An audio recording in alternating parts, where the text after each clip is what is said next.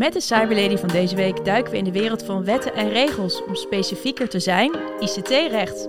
Deze juridische eindbaas is techjurist en richt zich met name op de juridische grenzen bij het gebruik van data en datagedreven werken. Ze is directeur en eigenaar van Lime Legal en het vastgezicht van de podcast Angry Nerds. Ook is ze regelmatig te horen op BNR Radio. We hebben het natuurlijk over de enige echte, Lisette Meij. Welkom. Dankjewel. Nou, super, super leuk om hier uh, te zijn uh, bij jou. En uh, ik ben echt uh, heel erg blij om dat jij in de podcast uh, komt. En ik heb zoveel vragen over je werk en over alles. En ik vind je echt een topjurist. En normaal gesproken heb je helemaal niks met juristen. Want die zeggen alleen maar nee. en die hinderen mij in mijn werk als communicatieadviseur. En dan zeg ik, ik wil dit naar buiten brengen. En dan zegt zij, nee, dat mag niet. ja, ja, ja. ja, dat is heel frustrerend. Nou, het is voor mij een hele eer ook hoor, om onderdeel van je podcast te mogen zijn. Dus nou, ja, dat mogen je, we ook je zeggen. Bent, je bent een cyberlady, dus let's go. Uh, we beginnen bij het begin. Droomde de kleine Lisette er al van om ICT-jurist te worden? Nou nee, ik denk dat de echt kleine Lisette geen idee had uh, wat het was. De echt kleine Lisette wilde een uh, nieuwslezeres worden. Maar ja, dat oh, was leuk. Ja, ja, dat heb ik niet, nou ja, niet gedaan. Maar ik ben natuurlijk wel uiteindelijk iets met podcast en radio gaan doen. Ja. Um, maar dan meer daarnaast. Dus ik ben geen nieuwslezeres geworden. Ik moet ook zeggen, als je echt klein bent, dan heb je natuurlijk hele extreme dromen. En als je dan wat ouder wordt, dan heb je eigenlijk geen idee meer. En dan kijk je maar waar het leven heen gaat. Ja. Um, dat heb ik nog steeds een beetje. Ik wilde dierenarts worden, dus ook, uh, ik ben heel wat anders. Iets anders hè? Ja. ja, ja, precies. Dus um, uh, ja, nee, dat ben ik niet gaan doen. Maar het, dat vormt zich natuurlijk allemaal een beetje. En het leven gaat zoals het gaat, om het maar zo te zeggen. En uh, ik denk dat ik zeker wel op mijn plek zit hoor. Ja, ja, ja wat, wat, je bent uiteindelijk dan geen journalist geworden, hè? Nee, maar, nee. maar je bent rechten gaan studeren? Ja, ik ben eerst, dan heb ik nog een uitstapje gemaakt naar bestuurskunde. Want toen dacht ik, ja, ik vind toch dat we bepaalde dingen moeten doen. En dat ik iets bij kan dragen aan de maatschappij. Dus moet ik niet de politiek in Dat heb ik ook niet gedaan. Ben ik vrij snel afgehaakt. En toen ben ik inderdaad rechten gaan studeren. Maar ik wilde eigenlijk ook iets met informatica doen. Um, ja, en dat is een lang verhaal. Dat, dat, ging, dat kon niet tegelijkertijd vanwege hoe ze toen die studies hadden ingericht. Toen wilde ik heel graag uh, richting de digitale recherche van de politie. Oh, ook cool. dat, ja, heel cool. Maar ook dat hadden ze precies het jaar dat ik richting mijn master moest. Hadden ze daar geen open plekken voor. En zo ben ik uiteindelijk richting um, ja, recht en ICT gegaan. Um, en een stukje privacy. En vervolgens um, in mijn laatste jaar meegewerkt aan een onderzoek voor het Wetenschappelijk Onderzoeks- en Documentatiecentrum, WODC, over hoe big data gebruikt werd in de opsporing.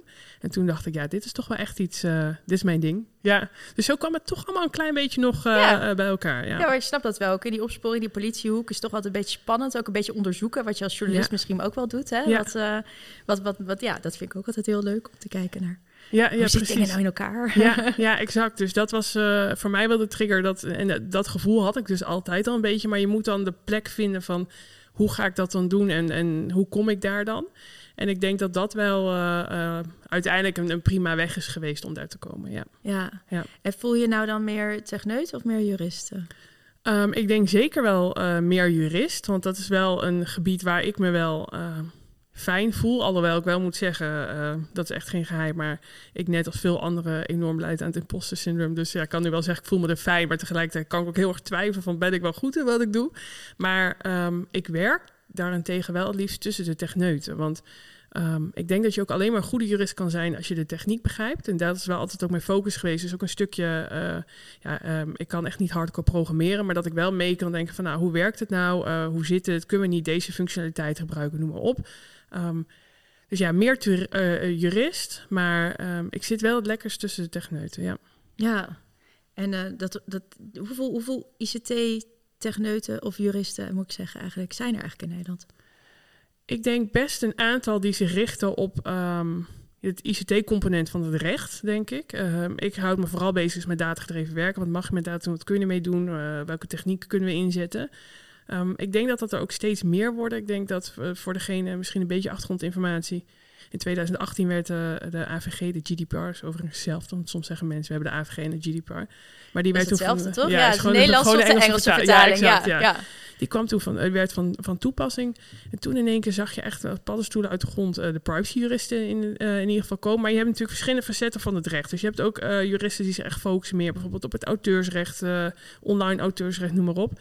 Want wat je ook nog wel eens hebt is als je jurist bent, en dat heb je natuurlijk net zo goed als je IT'er bent of welke baan dan ook.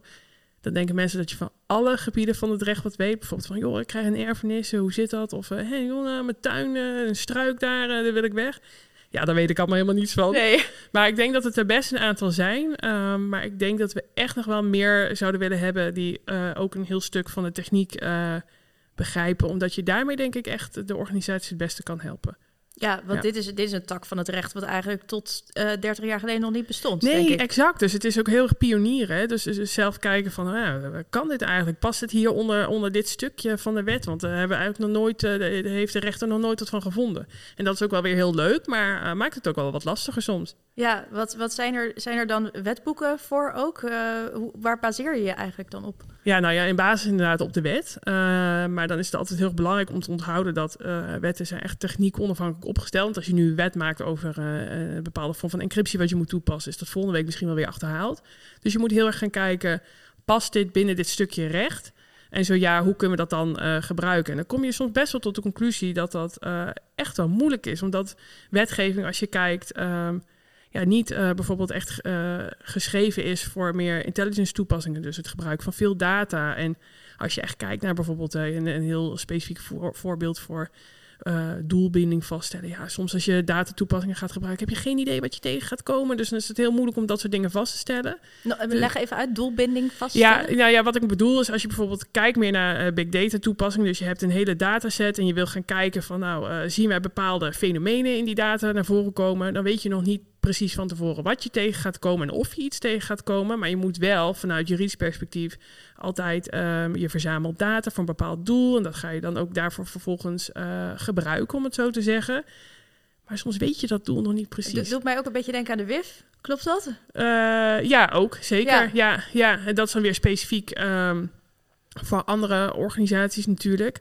Um, maar ja, dat, dat is wel, dat zijn dingen. En, en daar kan je ook ik heb daar ook niet per se een oplossing voor. Maar dat zijn wel dingen die het werk uh, en interessant, maar ook wel lastig soms maken. Want ja, hoe ga ik dit nu onderbouwen dat, dat, uh, dat het toch juist is? En dan ook altijd belangrijk, je kan iets zelf juridisch acceptabel vinden, maar of de maatschappij dat vindt.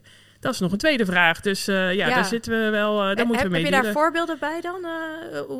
Wat ja. wij als maatschappij niet acceptabel vinden, maar als juristen wel? Een klassiek voorbeeld is, um, was een heel echt alweer een tijd geleden, was ING die wilde in de app, als ik het goed zeg, advertenties tonen op basis van jouw betaalgedrag. ja, dus als um, ik heel veel naar de Action ga, dan ziet krijg jij ING de laatste, dat, en dan ja. krijg ik de laatste folders van de Action in mijn app van de Bijvoorbeeld, ING. inderdaad. Oh, van joh, ga nu naar de Action, want dan krijg je 5 euro korting, ik noem maar wat.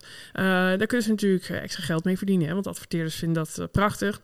Um, maar ja, een bank die onze transacties analyseert voor advertentiedoeleinden vinden we toch niet zo fijn. Maar ze hadden het wel goed juridisch ingericht, hè, dus dat dat niet zomaar gebeurde. Daar gaf je bijvoorbeeld toestemming voor. Dus juridisch was het juist. Maar oh jongens, toen dat in de nieuws kwam, vonden we dat echt niet oké. Dus zo zie je dus dat je ook rekening mee moet houden met wat voor organisatie ben ik eigenlijk. En is dit... Um, ja, hoe wij naar buiten toe willen komen. En dat zijn dus ook wel dingen waar je... Het gaat dus juridisch maar een klein stukje van alles. Hè? Dus ja, het is wel belangrijk, maar er zijn nog heel veel andere dingen veel belangrijker. Ja, ja, ja. Dus, het, dus het mocht wel eigenlijk, wat, ja. wat de ING wilde doen. Ja. Maar als maatschappij vonden we dat eigenlijk heel erg raar. Dat doet een bank toch niet, jongens? Nee, nee dat nee, kan toch niet? Dat is nee. echt heel maf natuurlijk. Ja, ja, ja dus dat, ja, zo zie je dat. En dat komt nu ik steeds gebruik meer... nu de Action als voorbeeld, maar je kunt natuurlijk ook extremere voorbeelden nemen. Hè? Dus dan... Ja, ja. Nou ja, stel je voor, hè, je kan het zo gek bedenken dat je ziet dat je medische kosten maakt of zo. Ja, dat, exact nou, dat. Ja, het, ja, dat bepaalde dingen mogen natuurlijk niet meer adverteren in Nederland. Maar uh, even een niet realistisch voorbeeld. Dat je in één keer advertenties voor een bepaalde genezing of, of ja. je hebt misschien een seksuele voorkeur uh, en je ziet dat je een bepaald forum lid Ja. bent en betaalt. Je kan zo gek niet bedenken. Privacy-wise gewoon niet oké. Nee, nee, ja, nou ja, het zou juridisch. Ja, nee, ja, als je het echt natuurlijk heel gevoelig maakt, wordt het juridisch ook wat lastiger. Maar um, dat zijn wel voorbeelden waarin je ziet dat dat ethische aspect wordt ook steeds belangrijker. En dat is natuurlijk heel goed ook, hè? maar dat is een extra afweging naast het juridische die je dus mee moet nemen. Ja, ja. en is dat ook iets waar jij je mee bezighoudt dan, die ethische afwegingen? Ja, dat is altijd een stukje van, als je kijkt naar de juridische toets die je uitvoert, is dat wel een stukje, het ethische afweging. Uh, ik ben geen ethicus, maar um, het is wel echt altijd iets wat ik meegeef van, joh, luister, juridisch gezien kunnen we het zo doen, maar ik vraag me alleen af, moeten we dit willen? Um, en dat is niet een keuze die ik maak. Dat maakt natuurlijk de organisatie zelf uh, waar ik dan voor werk. Maar dat is wel zeker iets wat ik meeneem. Want of dat je bijvoorbeeld zegt van joh, dit kunnen we doen. Maar weet wel dat het een enorm maatschappelijk beladen onderwerp op dit moment is. En ja, ehm, als wij eenmaal onder vergrootglas liggen, is dat vervelend. Dus houd daar rekening mee. Dus dat zijn wel zeker dingen die ik meeneem, maar ehm, niet altijd aan mij zijn om, uh, om een knoop over door te nee, hakken. Nee, jij kan adviseren, maar uiteindelijk is het uh, de opdrachtgever exact. of de organisatie zelf die daar de knoop over door moet hakken, inderdaad. Ja, en, en, en de, we, we, verzamelen natuurlijk steeds meer data met z'n allen. Hè? We hebben enorme datahonger. We zijn, mm -hmm. Ik stel me altijd voor in de coronatijd dat je die die, uh, die dove tolk, zeg maar, Met die hamsteren, dan hamsteren. Ja. Zo, ja, zo stel ik me dat, Dat dan voor. ja. Dat bedrijven Ja. zo die data aan het hamsteren zijn. Ja. Ja, en, en, en hoe gaan we daar op een goede manier mee om dan? Ehm, ik denk dat daar het allerbelangrijkste, als ik dat zo eh, moet zeggen, transparantie is. En dat is heel moeilijk, want hoe leg je uit wat je doet op een begrijpelijke manier aan iedereen? Hè? Dus ook aan eh, eh, mijn opa, oma, moeder, noem maar op. Dat is niet eenvoudig. En ehm, dat, ik denk dat dat één is. Hè? Hoe ga je er op een goede manier mee om? Maar dan nog moet je ook zeggen, eh, om even een heel recent voorbeeld te pakken, als je Facebook ziet hè, met het pay or okay. Dat is eh, van, nou ja, we, gaan, eh, we gebruiken je gegevens niet voor advertentiedoeleinden, maar dan moet je wel betalen. Dat vinden we eigenlijk ook niet goed. Dus hoe ga je ermee om? Ja, ik denk dat het ook een soort van, eh, noem het even, de evolutie van de maatschappij is en hoe we erin staan, dat we toch beseffen dat datagedreven eh hetgeen is waar we ons nu in bevinden. Hè? Want jij betaalt gewoon met je gegevens. Eh, daar verdienen bedrijven heel erg veel geld mee. En dat we steeds meer ook dat besef moeten krijgen eh, dat dingen niet gratis zijn, maar dat je er dus wel degelijk voor betaalt. Ehm, ja, dat geeft niet echt antwoord op de vraag, maar eh, ik denk wel dat er, daar zit dus een stukje transparantie in. Vertel wat je doet. Hè. En het moet natuurlijk sowieso binnen de lijnen van de wet zijn. Maar ook een stukje besef bij eh, de maatschappij. Ik vind echt niet dat je alles moet accepteren. Maar het is ook niet zo dat, dat we denken, oh, mijn Facebook was bijvoorbeeld altijd toch gratis. Laat ze maar lekker niet doen. Want dat is het bedrijfsmodel van dat soort organisaties natuurlijk. Dus Ja, ehm, ja. ja, dat is een beetje dubbel eigenlijk. ja. Wat, wat hebben we dat voldoende door als maatschappij, dat we betalen met onze gegevens? Mm, Ik denk steeds meer, maar ehm, soms is het ook gewoon een, natuurlijk een persoonlijke afweging die je maakt. Hè, van wil ik dit inderdaad, wil ik dit spelletje gratis hebben met, het, met wetende dat, eh, eh, ja, dat ik dan wat afgeef. Ehm, en ik, er zit ook natuurlijk een stukje peer pressure in. Hè? Want als iedereen bijvoorbeeld op TikTok zit, dan wil ik dat ook. Dus, eh, en dat, ik denk vooral dat als je ook, eh, nu ik daarover heb, als je naar de jeugd kijkt, ja, die hebben natuurlijk weer heel andere eh, belangen bij het gebruik van bijvoorbeeld apps of, of andere diensten dan dat je misschien meer op onze leeftijd hebt. En als je meer naar de oudere generatie kijkt, dat die denken, ja, waarom, waarom moet je niet weten? Of, eh, oh ja, dat zal wel goed zijn. Ja, dus eh, dat weet ik niet. Ik denk dat we aan het groeien zijn met z'n allen. Ja, maar kan echt nog wel wat, eh, wat meer aan de awareness gedaan Wat worden. voorlichting gebruiken, Ja, inderdaad. Ja. ja. Nou, even wat anders. Je hebt je eigen bedrijf opgezet dit jaar. Ja. Lime Legal. Yes. Vertel, doe een sales pitch. Ja, Lime Legal. Ja, nou, it's me. Ja, precies. En dat, nou ja, we hebben het eigenlijk al de hele tijd over. Maar mijn passie is echt altijd geweest ehm, om op zoek te gaan naar de grenzen binnen de wet als het gaat dus om, om eh, eh, werken met data. Dat kan in allerlei variaties zijn. Dus toepassen van algoritmes natuurlijk om bepaalde dingen op te sporen of, of ergens mee te doen. Ehm, maar dan wel op een manier dat ik daar eh, toch een soort van iets bijdraag aan de maatschappij. Ehm, en, en ik merkte ook dat ik daar het meeste plezier uit haalde. Dus ik ben niet, ik ben best wel een, een, een, een Einzelganger. Kan dat heel goed eh, in mijn eentje doen. Maar als ik het samen doe, dan wat ik net zei, dan zit ik liefst tussen techneuten en niet tussen de juristen. Eh, En dat is voor mij ook de reden geweest dat ik heb gezegd: ik ga dit doen voor mezelf. Ik ga daar focussen op het onderwerp, de onderwerpen die ik het leukst vind. En dan ook precies dingen kiezen waarvan ik denk: hier draag ik wat aan bij. Misschien ook wel de organisaties die op mij zitten te wachten. Want je moet je voorstellen, als jurist zijn, zitten heel veel organisaties helemaal niet op jou te wachten. Hè? Want jij bent echt vervelend. Ze moeten dingen doen eh, vanwege jou. En hey joh, wat, wat, maakt privacy nou uit? Ik wil gewoon geld verdienen. En dat is wel eh, natuurlijk leuk, een uitdaging om te overtuigen. Maar soms zit er ook geen overtuiging natuurlijk in. En dan is het gewoon eh, allemaal, ach, daar heb je er weer. En dat vind ik helemaal niet erg. Maar ik vind het dan vooral leuk om met, met, me met opdrachten bezig te gaan... waar ik helemaal me kan verliezen in, in het uitzoekwerk... en waarvan ik echt het idee heb van... wauw, we hebben hier echt iets moois samen. Dus je, je draagt wel bij aan ontwikkelingen. Maar tegelijkertijd dat je ook zorgt van... nou, dit hebben we goed geregeld op deze manier. Ehm, en dat is voor mij de reden geweest dat ik die stap heb gezet. En dat is nu ook iets wat ik elke dag moet doen... zonder me druk te maken om... eh, meer de, de dingen van een bedrijf om je heen. Hè? Dus denk ook aan misschien eh, targets halen of eh, andere zaken. Nee, ik wil gewoon met die inhoud bezig zijn. En dat is zo leuk. Ja, ik zie Ja. wel stralen. Ik vind het Ja. zo mooi, ja.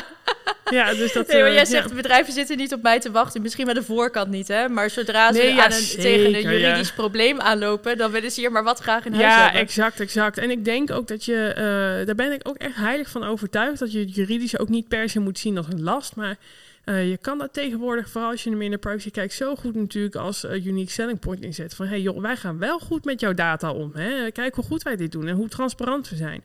Dus ik denk dat dat ook wel een beetje aan het verschuiven is. Maar um, ja, feit blijft wel dat als je gewoon naar... Uh, kijk, grote spelers hebben natuurlijk hun eigen jurist, hè, dus daar, kom je helemaal niet. Maar een jurist in beginsel is toch een lastpak. Dat is gewoon een feit, ja. Is dat ook de ondertitel de Lime Legal, uw lastpak? Ja, voor, voor al uw zeurpraktijken. Voor al uw zeurpraktijken. ja, nou ja, zeker niet. En ik, ben, ik vind mezelf ook absoluut geen lastpak en niet een typische jurist wat dat betreft. Um, maar dat is denk ik wel een beetje een beeld. En, en ook wat terecht beeld wat we hebben hoor. Want uh, er zijn ook heel veel, en ik denk ook, uh, en ik zal zeker niet iedereen over één kam scheren, maar zeker dit gebied waar we in zitten, waar het heel veel pionieren is, hè. Um, zijn juristen misschien ook sneller geneigd om nee te zeggen. Want ja, wat voor verantwoordelijkheid trek ik dan naar me toe? En als iemand zegt, mag dit? Ja, ik weet het eigenlijk niet. Hè? Nou, dus doe maar niet. Um, en dat wil ik dus juist niet. Dus al die antwoorden van het hangt er vanaf. Of ja, misschien als je dit doet, of als je zelf beoordeelt of dit zus of zo is, waarvan iemand die dat krijgt denkt, wat moet ik hier nou weer mee? Dat wil ik dus allemaal niet zijn. En dat kan, als je dat, als je dat in je eentje doet, dan kan je alles zijn zoals je dat wil zijn. En gewoon zijn wie je wil zijn. ja. Dan, ga je, dan zeg je, als je naar een klant gaat, dan zeg je niet, ik ga iets moois aan doen. Dan zeg je, ik doe mijn trui aan. En als ik mijn haar blauw wil hebben, dan maak ik mijn haar blauw. En dat is heerlijk. Ja, ja, ja fantastisch. Ja, want het is, uh, mensen kunnen je nu natuurlijk niet zien, maar je zit hier gewoon lekker in je grijze hoodie ja. uh, en, en je haren blauw, uh, blond en helemaal jezelf te zijn. Ja dat is prachtig. Ja. En, en je vertelde net ook dat je geen gebrek hebt aan opdrachtgevers, dus dat is helemaal mooi. Ja, klopt ja inderdaad. Er is genoeg, er is ook genoeg te doen. Hè? Maar, en dat is heel moeilijk, want vooral als je je werk heel leuk vindt, um, is het soms best wel lastig om nee te zeggen. Want als je denkt, oh, maar dit is zo cool en ik wil je hierbij helpen, uh, dan wil je eigenlijk altijd ja zeggen. Maar ja, je hebt natuurlijk ergens, nou, echt een sociaal leven niet, maar wel een leven natuurlijk. Hè? Ja, maar je dus, doet ook nog Angry Nerds en je doet ook nog BNR en je hebt nog... Uh, hè, kleintje. Dus ja. je hebt gewoon. Je hebt maar zoveel tijd in, in een dag. En je zou willen dat dat meer was. Maar uh, ja, en dan heb je ook nog, als je een enorme streber bent, dan wil je wat je doet ook nog eens heel goed doen. Uh, en dat kost tijd. Dus ja, je kan niet altijd ja zeggen, al zou je dat heel graag wel doen. Maar er komt zo'n aanwas met, met dingen op ons af op het juridisch gebied. Hè. Kijk naar uh, de inzet van algoritmes, met nieuwe wetgeving. ja, je kunt zo gek niet bedenken. dus is ja, gewoon echt heel veel te doen. Ja, ja, dus jij zit voorlopig nog wel eventjes uh, gebakken, denk ik, met werken. Dat hoop ik. Ja, dat denk ik wel. En, en wat voor, wat voor uh, organisaties komen naar jou toe? Is dat overheid, bedrijfsleven, kleine bedrijfjes, grote bedrijfjes, uh, van alles en nog wat? Ja, ik werk veel voor de overheid, inderdaad. Um, dat vind ik ook heel leuk, omdat we als overheid zijn ehm, gewoon ook geen keuze hebben dan het goed doen, maar wel... Um, um, ja, ons ook moeten ontwikkelen. En dat zie je natuurlijk met de IT binnen de overheid. Nou ja, dat gaat soms weet ik veel hoeveel jaar terug. Want het geld gaat er ook in zitten om dat allemaal te kunnen onderhouden. Omdat het allemaal uit... Uh, ja, eigenlijk bijna fossiele uh, dingen zijn waarmee werken. Maar tegelijkertijd willen ze ook heel graag uh, wel nieuwe dingen. En ik denk dat het ook heel vaak kan. Dus dat is ja, wat dat betreft heel bevredigend om te doen. Hè? Want dan kan je tenminste ook samen denken en zeggen van... joh, maar dat mag wel. Want we zijn natuurlijk wel terug... Nou, niet allemaal. Hè? Ik ben, ja, zal me geen voorbeeld noemen. Ja, jij bent ja-jurist in plaats van een nee-jurist. ja, ik ben meer de... Zo kan het wel. Ja, dus zo kan het wel. Ja. In plaats van nee, dat kan niet. Ja. Nee, maar je moet het mee aanpassen, dan kan het wel. Maar inderdaad, kijk, echt, ze doen het echt niet allemaal goed. Hoor. En de overheid doet ook heel vaak dingen dat je denkt, hoe kon je dat doen? Maar de opdrachten waar ik me mee bezig hou, uh, zijn echt dingen dat je denkt van, wow, dit is echt gaaf. Dit moeten we ook doen. We moeten ook niet blijven hangen in die tijd dat we allemaal niks durfden te doen en of konden doen. Um, en verder werk ik bijvoorbeeld ook voor uh, uh, Pro's organisatie. ben ik de FG, de Data Protection Officer, de functionele gegevensbescherming. En dat is ook een supercoole organisatie, want die hebben dan een privacy-proof uh, web analytics oplossing. Dus eigenlijk de tegenhanger van Google Analytics. Werken we wel privacy-proof. En dat zijn dus echt dingen waarbij je denkt, ja, ik doe hier iets goeds. Ik doe hier iets cools. Ja. Ja, ja, mooi toch? Ik vind het heerlijk als je gewoon iets vanuit je eigen intrinsieke motivatie kan doen waar je super blij van wordt. Ja. Dus, uh, hey, maar uh, het is niet alleen maar uh, vrolijk en gezellig natuurlijk. Er zijn ook ergernissen in de wereld van data en datagedreven werken. Wat, wat, wat zijn jouw grootste ergernissen? Um, ik heb er wel een paar. nou, ik ga even zitten. Maak nou ja. even een bakje koffie. exact. Ja, ik zit natuurlijk niet voor niets bij Angry Nerd. Want ik ben best vaak ook een Angry Nerd natuurlijk. Ja, er gebeuren, soms gebeuren hele gekke dingen dat je denkt... Uh, wat ik zei natuurlijk, we zijn soms wat terughoudend. Uh, bijvoorbeeld bij de overheid. Maar het niet, geldt, zeker niet voor alle overheid. Want je ziet hele gekke dingen langskomen. Maar soms qua wetgeving zie je ook gekke dingen... zoals de tijdelijke cyberwet voor de AIVD en de MIVD. Dat ik denk, jongens wat zijn we allemaal aan het doen?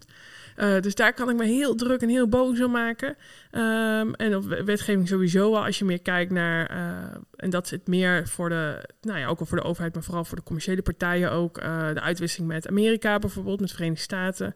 Waar we al een aantal, dat noemen we een adequaatheidsbesluit om even juridisch in te duiken, dat als je gegevens wil uitwisselen met de VS, dan mag dat niet zo, maar dan moet, moet er dus een bepaald middel zijn. En voor, met ja, Europa, dat vinden we allemaal heel spannend, hè? Ja, want dan heb je, ja, dat heb je, je hebt weer nationale wetgeving natuurlijk in de Verenigde Staten, waarin dus weer staat dat intelligence services um, ja, bij de gegevens mogen hè, van, van Amerikaanse partijen.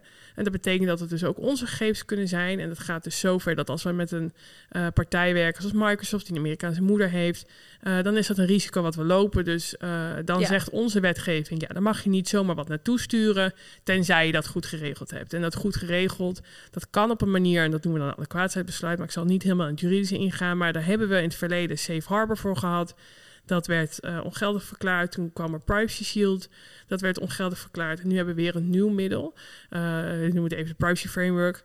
Um, en dat je elke keer wordt hetzelfde riedeltje weer herhaald. Dus je ziet dat iets ongeldig wordt verklaard. Um, dan zijn bedrijven in paniek van, oh jee, hè, wat moeten we nou? Want ja. welke organisatie gebruikt er geen uh, Amerikaanse uh, software? Ja. Uh, het zijn er echt heel, nou ja, ik weet, als ze bestaan, het zijn er echt heel weinig. Denk aan bijvoorbeeld Outlook, Microsoft Teams.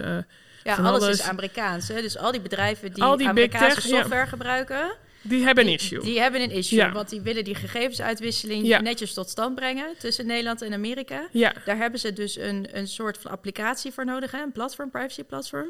Nou ja, nee, wat ze nodig hebben, kijk, je moet je voorstellen dat als jij bijvoorbeeld ervoor kiest dat jij gebruik maakt van Microsoft, dan zeg je ja, maar we doen de opslag in Europa. Uh, dat Microsoft altijd zegt dat bijvoorbeeld uh, bij uh, in bepaalde gevallen de mensen uit de VS die daar werken bij de data kunnen. Dat staat er dan dus in. En omdat het dus een Amerikaanse moeder heeft, zitten we dus met een issue dat uh, de nationale wetgeving van de Verenigde Staten ook op die data van toepassing is die bijvoorbeeld in Duitsland staat opgeslagen.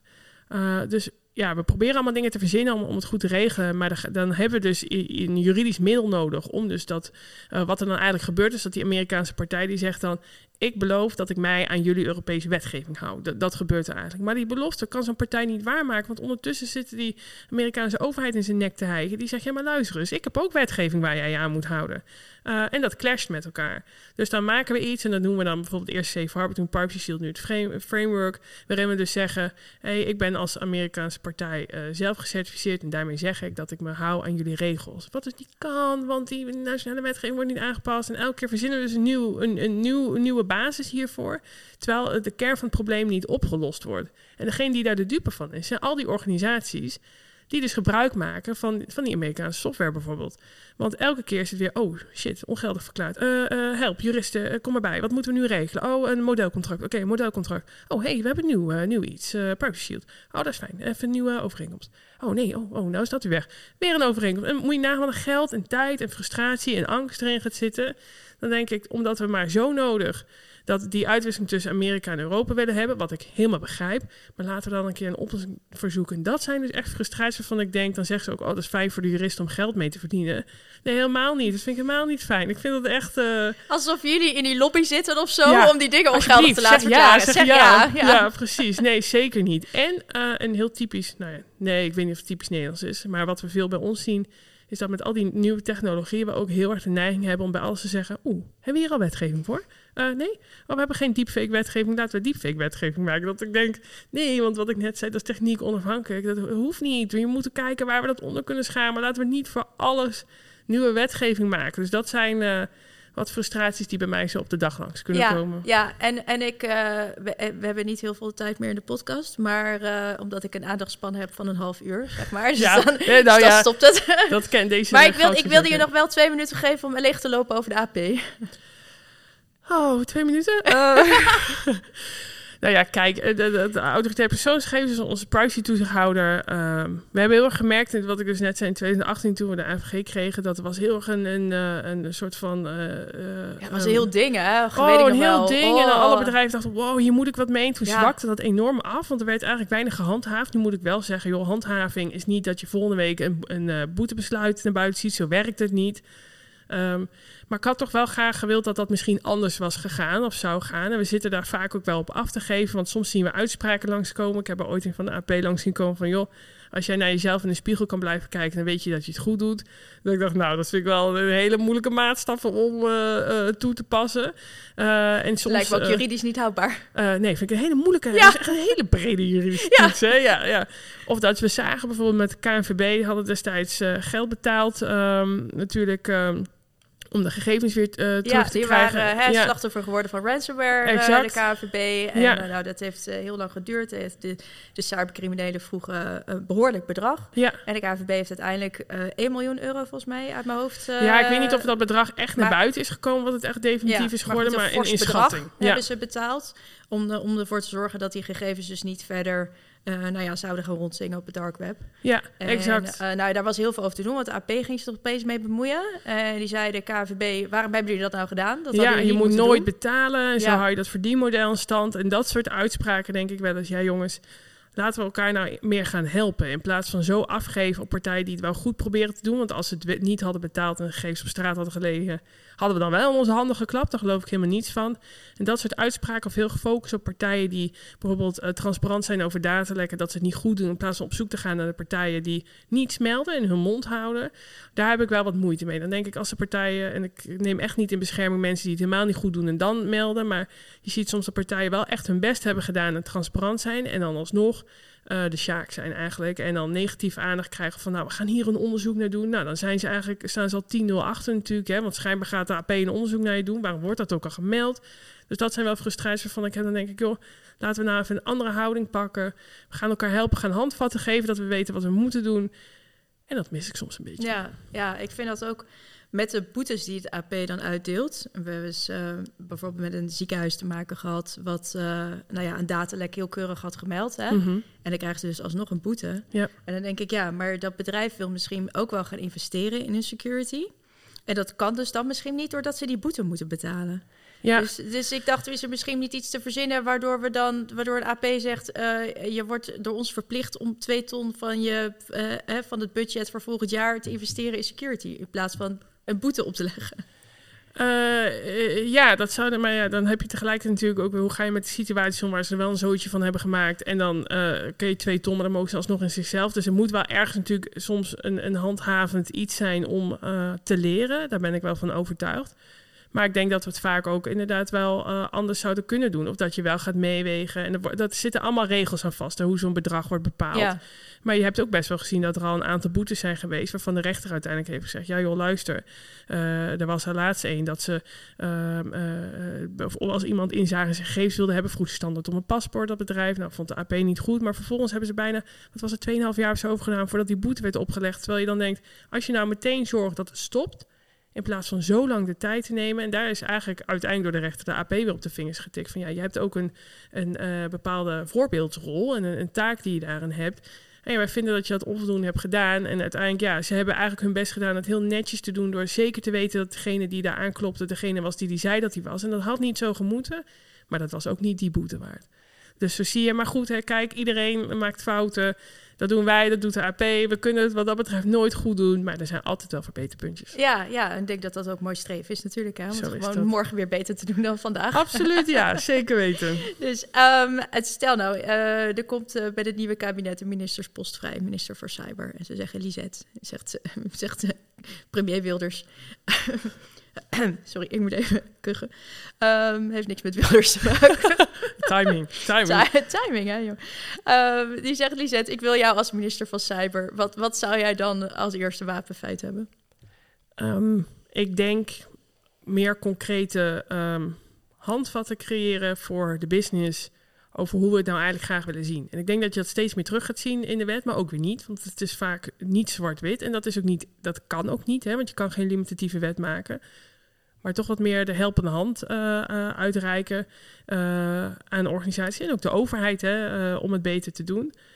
Um, en verder het heel cool vinden dat een vrouw natuurlijk die positie krijgt. Een feestje bouwen. maar ik denk vooral dat ik meer ehm, naar de helpende hand zou willen gaan. Want we kunnen wel heel goed afgeven op alles en iedereen, maar we vertellen eigenlijk zelden hoe we het dan wel willen zien. Uh, omdat we natuurlijk ook bang zijn dat als het dan alsnog verkeerd gaat, dat het dan onze schuld is. Maar ik denk dat we dat een beetje opzij moeten zetten en echt moeten kijken. Als we vinden dat het anders moet, hoe dan? Vertel me dan hoe. En Ja. dat zou ik willen doen. Misschien trekt dat ook een beetje schaamte weg hè, bij bedrijven die gehackt zijn. Zeker. Ja. Ja, ik heb er alles aan geprobeerd. Ik heb dit allemaal eh, gedaan. En eh, nou, dat denk ik echt, ja. Ja, want waarom moeten we elke keer allemaal individueel het wiel opnieuw uitvinden? Is zo zonde. Ja, Ja, oh, ik, hoop, ik hoop het eigenlijk misschien dat je minister van Cyber wordt. nou, ik denk eh, dat die kans heel klein is. Ja. Maar hopen mogen we altijd. Dan krijg je toch een beetje die, die bestuurlijke ervaring, hè? Die, die politiek... ja, nou, eh, misschien in- luisteren ja. ze wel en denken ze... Oh joh, die heeft een jaar bestuurskunde gedaan. Helemaal Hey, goed. helemaal ja, goed. Ja, ja, Ehm, tot slot, welk advies zou je willen geven aan meisjes en vrouwen die nu een carrière overwegen in eh, ICT, slash cyber, slash techniek? Iets iets wat raakt aan onze werkvelden. Eh, en, dan, en dan mikken we natuurlijk met name op of de jongere dames die nu een, eh, een opleiding volgen. Of vrouwen die denken, ja, ik ben wel toe een carrière switch eigenlijk. Ja. Ja, het is nog steeds, eh, dat merk ik ook, hè, de teams waar ik in werk zijn toch overwegend mannen. Eh, dat betekent helemaal niet dat wij minder weten. Hè. We hebben heel andere eh, eh, sterke punten die mannen soms wat minder hebben. Hè. Dus zo vullen we elkaar supergoed aan. En ik denk vooral dat je altijd moet laten leiden, totaal niet of iets een man- of een vrouwenwereld is, maar wat vind jij leuk? Want weet je wat het allerbelangrijkste in je werk is? Dat je het naar je zin hebt. En dat je dingen doet waarvan je denkt, ja, daar krijg ik energie van. Want als je de hele dag iets moet doen waarvan je denkt, ik, vind, ik had eigenlijk zo graag dit gedaan. Doe het. Echt, doe het gewoon. Het maakt niet uit of je, of je met mannen werkt of met vrouwen of met dieren of wat dan ook. Als jij maar gewoon iets kan doen, het gaat om jou. Maar één iemand kan jouw leven leiden. Dus doe iets waarvan je zegt, oh, dit vind ik leuk. Wat dat ook is, of dat nou met de IT te maken heeft of niet. Want de IT is super vet, maar je kan er zoveel doen. En als je denkt dat jij daar iets leuks kan doen, doe het. Leef je leven niet voor een ander. En dat is heel cliché. Maar echt, je wordt zo vaak geconfronteerd met het leven van, ja, ehm, wat maakt het eigenlijk allemaal uit? Dus zorg dat er meer vrouwen komen. Als dit is wat jij leuk vindt, doe het. Ik sta 100% achter je. Mooi. Ja. Dankjewel. Yes.